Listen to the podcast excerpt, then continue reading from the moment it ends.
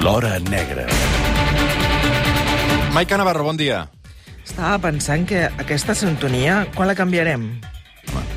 A mi m'agrada fidelitzar a les músiques, als oients i les seccions. O sigui que no... Per tota la vida? no bueno, Fidelitzar, però només fas fidelització amb les Jo sintonies, no? fidel. Amb les sintonies, bàsicament. no, i a la vida en general està ah, molt bé. sí? fidel, Ah, sí, ah, sí? A la vida sí. Interessant. Mira, ja que em proposes temes. Escolta'm, he vist que has tingut inquietuds aquesta setmana a les xarxes amb Jordi Borràs. Un tuit teu que va causar molta sensació. La puta. És que mira que vinc preparada cada setmana i no sé per on m'arriba, eh? Pam! Ah, que, Què? o sigui, que, que, ti- tiraves com un Borràs piropo... és un mite. Tiraves com un piropo a Jordi Borràs. No, piropo no, li, tura, li tirava directament la Els rajola. No, el trasto no, directament el sac de runes. Pumba! T'agrada Jordi Borràs? No conec a ningú a qui no li agradi Jordi Borràs. Però A ningú. professionalment vols dir? No, no, de tot, en general, en conjunt, el, el pack complet. ja està, o sigui, mira, ja està. Mira, fa... Ell feia una, fa una secció dins... Eh, fa una secció... Col·laborador al matí feia- de Catalunya Ràdio amb la Mònica, doncs, sí. Sí, però a més a més tenia una secció on recuperava temes antics i em va cridar i vaja, no vaig trigar ni 5 minuts. El que- Allò, tot allò que em digui el Jordi Borràs, la resposta sempre és un sí. Tot, tot, tot? Tot.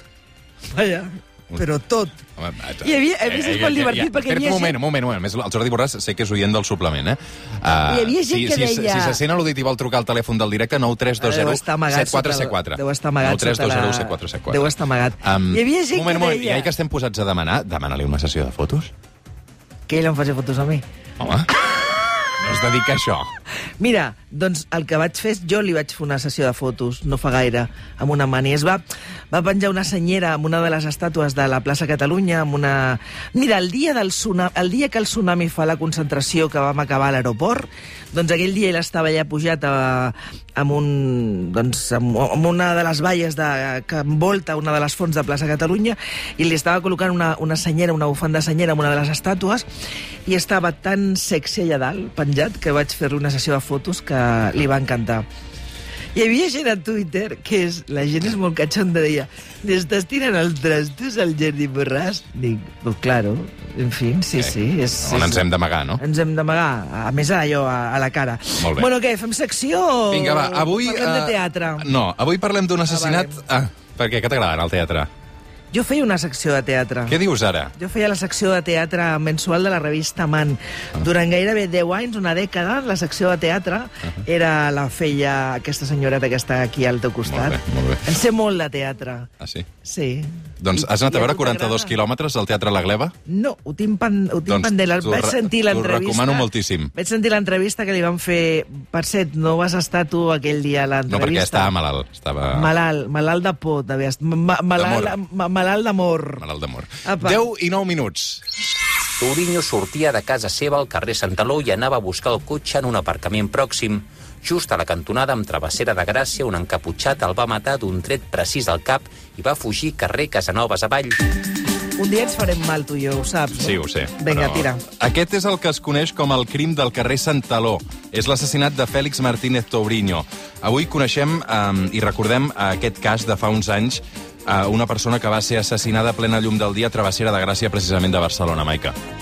Sí, el Félix Martínez Tourinho vivia al número 27 del carrer Santaló, just aquí al costat de, de la ràdio, i aquell dilluns 9 de febrer eh, va sortir de casa seva a les 8 i poc del matí. No era, no era una rutina, però aquell dia havia d'anar eh, cap a l'aeroport i el que feia era eh, baixar pel carrer Santaló i havia de girar per Travessera de Gràcia per, doncs, es dirigia, allà tenia el pàrquing on es tenia estacionat el, seu vehicle i just a la cantonada, en aquell moment, en aquella època, hi havia un, una sucursal bancària. Al passar, o sigui, al, al sobrepassar aquell, les portes de, de la sucursal bancària, un home encaputxat eh, per darrere eh, se li va acostar a molt poca distància i li va disparar un tret al clatell. Martínez Tourinho va, va morir a, a l'acte. Tot això va passar al febrer del 2009. Aleshores, Fèlix Martínez Tourinho era director del Centre de Convencions Internacional de Barcelona. Tenia un càrrec de força responsabilitat, eh? Sí, perdó. Era, com deies, el director del Centre de Convencions Internacionals de Barcelona i a baix a, al fòrum. Tenia 37 anys, era, havia nascut a, a Madrid i feia uns quants anys que vivia a Barcelona, concretament en aquest pis del carrer Santaló, amb la seva, amb la seva parella. Era un, un home amb una trajectòria professional impecable i, a més a més, amb molta projecció. Sempre s'havia dedicat al món de l'hostaleria. Havia començat com a recepcionista en un hotel molt modest i va anar, va anar escalant fins a, doncs, a dirigir aquesta empresa que gest, una empresa que gestionava el Centre de Convencions in, Internacionals de, de Barcelona. L'assassí de Fèlix Martínez Tauriño va fugir a peu. Això es va saber i descobrir de seguida, no? La veritat és que va ser una... Estem parlant de les 8 del matí i, a més a més, insisteixo, allà aquí al costat de la ràdio, al carrer Santaló, amb una activitat eh, molt gran aquella hora. Gent que entrava, que pujava, comerços, eh, est establiments... Vull dir, hi havia molta vida en aquell moment i, per tant, aquell crim va ser presenciat per molta gent, molta gent que va veure, va, va, es va creuar amb, el, amb la víctima quan baixava per aquests pocs metres que va fer des del carrer Santaló i molta gent que va presenciar en directe doncs, a, l'acció d'aquest home que, que el va anar seguint gairebé a pocs metres en aquest trajecte de Santaló i que just quan estaven a l'alçada travessera el va, el va fer aquest tret a molt poca distància, un soroll que molta gent també va recordar i també doncs, allò, la persona que es va acostar ràpidament amb, el, amb la víctima, que va confirmar que, és, que era morta i que va alertar el 112, d'altres que van seguir visualment a, a, a l'autor del crim i que, de fet, un d'aquests testimonis que va, que va seguir el, el que en aquells moments tots vam qualificar de sicari per, la, per com havia anat el crim, va veure com es treia la, el passamuntanyes, el llançava al carrer i amunt baixava pel carrer Casanovas, atravessant a peu a la Diagonal, i com a, de sota hi havia un edifici que s'estava fent una rehabilitació i amb un sac de runes va deixar anar la pistola. Prèviament havia llançat al terra el carregador. Eren elements que en aquells moments donaven doncs, a, a pistes de que aquest home, tot i que la seqüència era molt de, de pel·lícula, de sicari, i això va fer que els periodistes en aquell moment fessin molta literatura i, i moltes conjectures sobre la causa d'aquest crim, però també donava, demostrava que, que, que l'autor tot i semblar un sicari, havia comès molts errors. Llançar el carregador al carrer, llançar el passamuntanyes, abandonar la pistola gairebé al costat. L'empremta d'aquesta pistola va permetre identificar l'assassí. Es deia Jorge Andrés Madrid. Tenia 22 anys.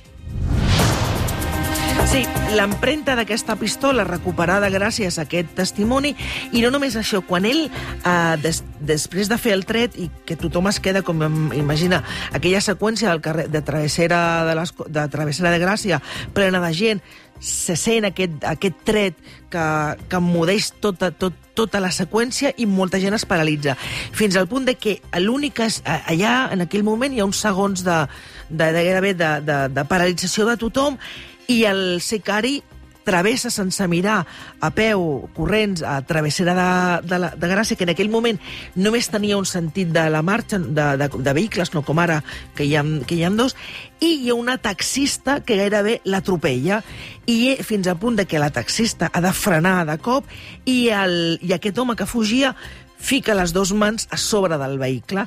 La taxista té, bueno, es queda paralitzada perquè veu l'escena, a més a més porta una arma, l'altra, o sigui, es paralitza. I tant l'arma però especialment en el taxi, allà on ell es va posar les mans per, per, per, per, perquè gairebé l'atropella, doncs allà es van aconseguir aquestes, aquestes empremtes que van identificar, com deies, a Jorge Andrés Mar Madrid. Tenia 22 anys, era d'origen colombià i vivia a Madrid feia, feia bastants anys. I s'havia posat en contacte molt últimament a través del telèfon amb Fèlix Martínez Tauriño, la persona morta, la persona assassinada. Per què havien estat en contacte? Doncs perquè li volia comprar un cotxe que tenia penjat a una pàgina d'aquestes de, de vendre de segona mà, no? Sí, el Félix Martínez Tauriño, la víctima, tenia un BBV a, a la venda, amb un portal d'internet.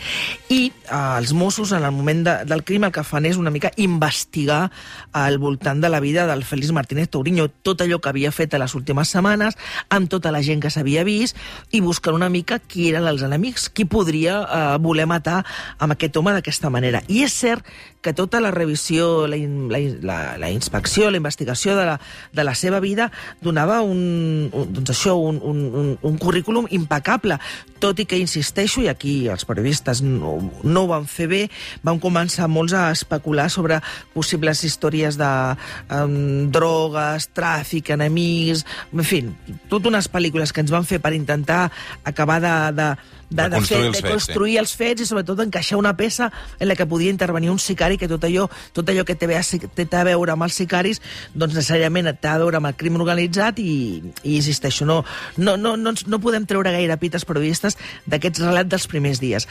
Ell tenia aquest cotxe en venda i de, i de sobte va, els Mossos descobreixen que durant la setmana anterior el seu crim de l'1 de febrer comença a rebre insistentment trucades d'un home que es feia dir Òscar, també tenia un accent colombià molt marcat i que bueno, el que volia era veure's amb ell per, per, doncs, per comprar aquest cotxe. Fins i tot aquest Òscar doncs, proposa al Fèlix que vingui a, a veure la, a Castelldefels, on vivia, on deia que vivia aquest Òscar, doncs per, doncs, per, per, per vendre, per, per, per veure si li interessa aquest BMW. El Fèlix eh, queda amb un amic per no anar sol i apareixen a, mm.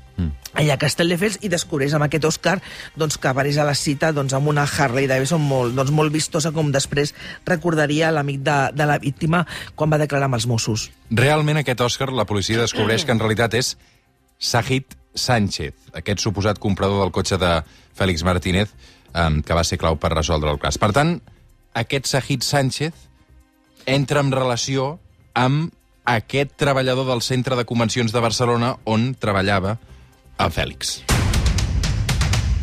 Sí, el Said, eh, aquest que es feia passar per Òscar i que um, insistia en veure el, el Fèlix, a, a la víctima, era en realitat eh, els Mossos descobreixen, eh, fent aquesta reconstrucció de tothom que s'havia posat en contacte amb, el, amb, amb la víctima, que en realitat bueno, era, era un colombià que tenia antecedents per tràfic de, de, de, de cocaïna i que eh, estava relacionat amb un treballador eh, del centre de convencions, que era precisament on treballava, eh, on era dirigi, don, que dirigia la, la víctima. Qui era el Sahid? Doncs en realitat era el cunyat d'un altre treballador del centre, que era Manuel Moreno Blancas. Ah. Els Mossos centren l'atenció en Manuel Moreno Blancas perquè precisament el Manuel Moreno Blancas, una investigació, una auditoria que havia encarregat a la víctima eh, doncs, unes setmanes abans, havia mm, arribat a la conclusió de que el Manuel Moreno Blancas, que en aquell moment era el director de l'àrea d'audiovisuals del centre de convencions, feia servir els mitjans del centre per fer treballs per fora del centre. És a dir, estava guanyant diners amb, amb tot el material i la logística del centre i, i especialment d'aquest departament d'audiovisuals al marge de, del centre. El, el, el Félix Moreno es, bueno, s'indigna i, de fet, aquell dia, aquell 1 de febrer, ell el que havia, on es dirigia amb la seva maleta de, de viatge un cap de setmana era a Lyon, que era la direcció de l'empresa que dirigia al, al centre de convencions perquè li donguessin el vistiplau per fotre fora el Manuel Moreno Blancos, el que ja l'havien comunicat personalment al, al Félix Martínez Touriño de que els seus dies estaven allò havien finiquitat i que no el volia més a l'empresa perquè havia descobert doncs, això, que estava fent treballs fora de, de, de, del centre, a més a més amb el material i els mitjans audiovisuals del propi centre. És a dir, van matar el Fèlix per evitar que fes fora un treballador. Sí, aquest va ser el mòbil, no? Sí, la, durant el judici, un judici molt complicat amb, amb, amb jurat popular, el que la fiscal va, va defensar i així ho van interpretar els Mossos d'Esquadra durant una investigació que va ser molt, molt complicada, gairebé quatre... Durant, van trigar gairebé quatre mesos en detenir. Van arribar a detenir a, a cinc persones, però la, la clau va ser doncs, arribar a aquest Manuel Moreno Blancas, que una mica va ser condemnat com el ideòleg de tot aquest plan S'ha de dir que durant el judici, i a dia d'avui el Manuel Moreno Blanca sempre ha negat, o sigui, ell va haver d'acceptar que havia parlat amb el seu cunyat, que era el marit de la seva germana. De fet, la seva germana va arribar a estar fins i tot imputada, acusada, i va seure... Eh, al seient dels acusats durant el judici, la Maria, Maria Pilar Moreno, tot i que al final es va, es va salvar, i el jurat popular no mai va poder demostrar que fos encobridora de, del crim. A Manuel Moreno Blancas el que li diu al seu cunyat, que té un cunyat colombià, és, escolta, uh, aquest tio em vol fotre fora i m'agradaria donar-li un susto. O sigui, ell el que admet és que parla amb el seu cunyat de dir de fotre un susto al seu jefe perquè el vol fotre fora. El Said, el seu cunyat, des del primer moment, quan el van detenir, va, ho va va, va dir que, en fi, que l'encàrrec era d'assassinar-lo, que, la, que allò que li havia demanat el seu cunyat era matar el, el seu jefe i, de fet, fins i tot va posar sobre la taula 12.000 euros una, i una fotografia de la víctima perquè els dos sicaris, el que Manuel Moreno Blancas mai va arribar a conèixer i que aquest Sahid va, va contactar directament dos compatriotes colombians a, a Madrid que van fer un viatge de 48 hores, o sigui, van venir a Madrid amb, amb vehicle i van fer el, el primer dia van fer tot un seguit de, de seguiments, però no es van atrevir. De fet, era un sicari que era, la, era un sicari que era la seva primera feina com a, com a sicari, i així ho va, ho va explicar, i, i va sobtar durant, la, durant el judici a l'Audiència Nacional veure'l allà al, al seient dels acusats pensant en tot allò, en allò que havia fet amb aquella sang freda, veure'l així que,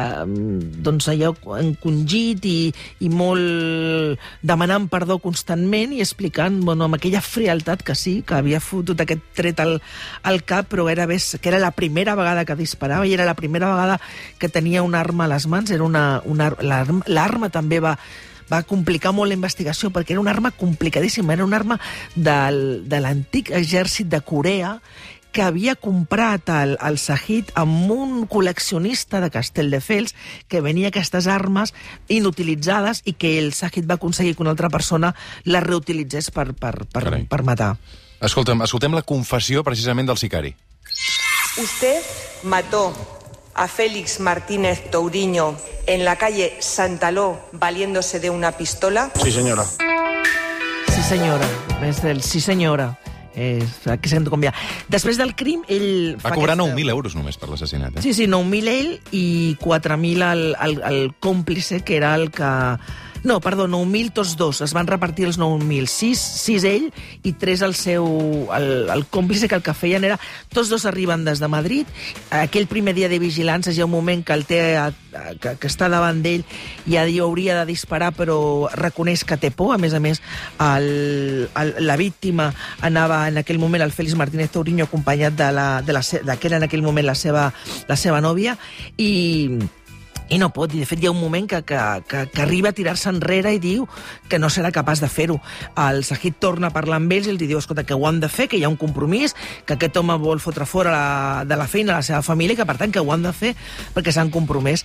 I aquell matí de l'1 de febrer, el, el sicari doncs, està per aquí pels voltants, entra en una cafeteria, eh, es pren un cafè amb llet al Central Cafè, d'aquí, de, de, de, de, de, de, de, de aquí, bueno, a la cantonada, sí, sí, just davant de l'avantguàrdia. Sí. I al, precisament al quiosc que hi ha davant de l'avantguàrdia es compra un diari, l'avantguàrdia, i el que fa és doncs, esperar-lo a la porta de casa seva. I quan surt, hi ha una... És veritat que els Mossos al començament van treballar amb aquestes empremtes però i amb una, amb una silueta, amb una...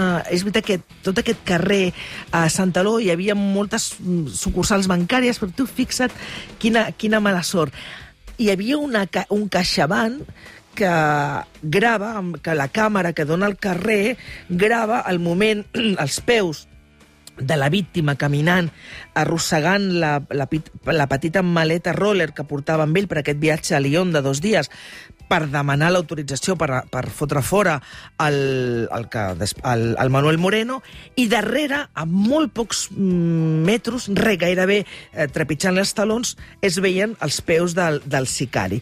Doncs aquest printer, eh, o això ho recordo com, com si fos ara, el, en aquell moment el major Trapero era intendent i cap d'investigació d'investigació de, de Barcelona i encarrega, i en aquest, en aquesta investigació sí que va estar molt, molt, molt a sobre, i encarrega, eh, comenta amb el, amb el Pep Porta, que era el cap d'homicidis, escolta'm, aquella fotografia la van passar a tothom i va i va, hi va, haver, va haver-hi gent que va estar Mossos a l'aeroport de Barcelona amb aquell printer d'uns pantalons i unes sabates per si de casa el sicari, de que en aquell moment no coneixien ni el nom ni res, només tenien un pantaló texans i unes sabates. I van estar durant 48 hores un bon número de Mossos i Mosses mirant eh, sabates i pantalons d'aquestes característiques. 4 minuts per arribar a dos quarts d'onze. Avui hem recuperat l'assassinat de Fèlix Martínez Tauriño amb la Maica Navarro. Maica, no marxis, que passa un segon per Perpinyà. 3 minuts per arribar a dos quarts d'onze del matí.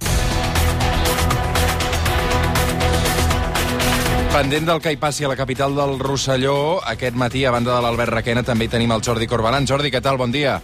Què tal? Bon dia. Falta una hora i mitja perquè comenci aquest acte. Uh, he vist que has penjat imatges de molta gent ja preparada, eh?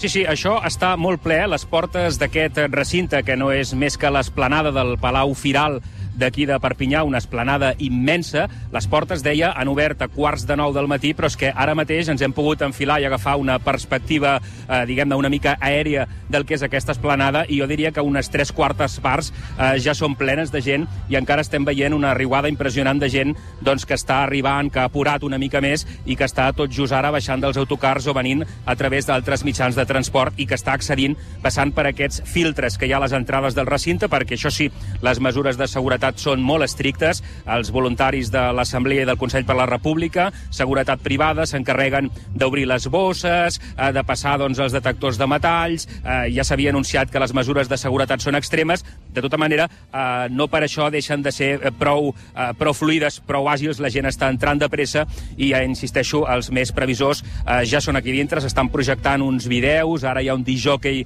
doncs, que amenitzarà l'espera posant música, se senten de tant en tant aplaudiments, sobretot quan es projecten en aquesta pantalla imatges de Carles Puigdemont, i hem de dir que si bé a primera hora feia fresquet, el cel estava mig tapat i hi havia molta humitat, ha sortit el sol, s'han desfet els núvols i més aviat a aquesta hora comença eh, a fer bonança i a sobrar la, la jaqueta.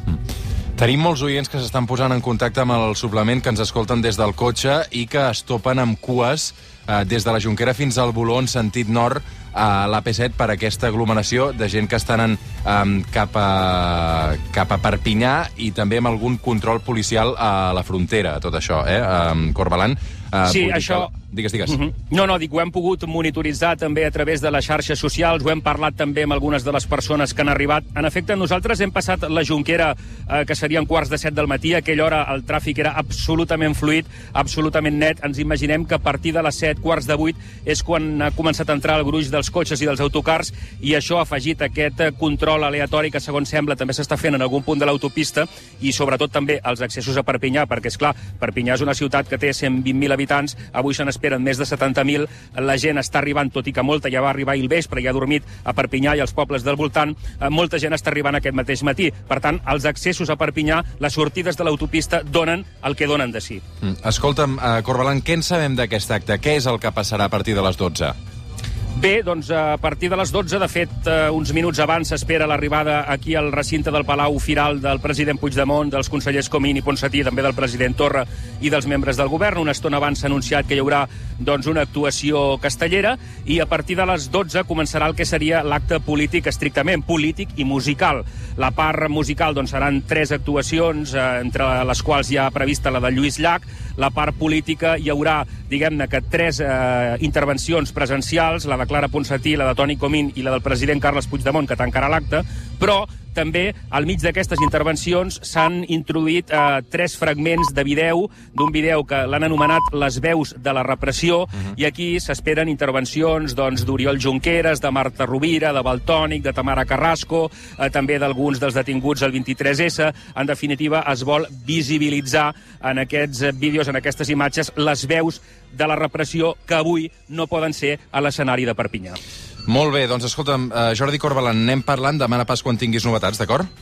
Molt bé, així ho farem. Gràcies, fins ara. Dos Fins quarts d'onze del matí, Maica Navarro, una abraçada ben forta. Vinga, fins la setmana que ve. Fem una pausa i tornem.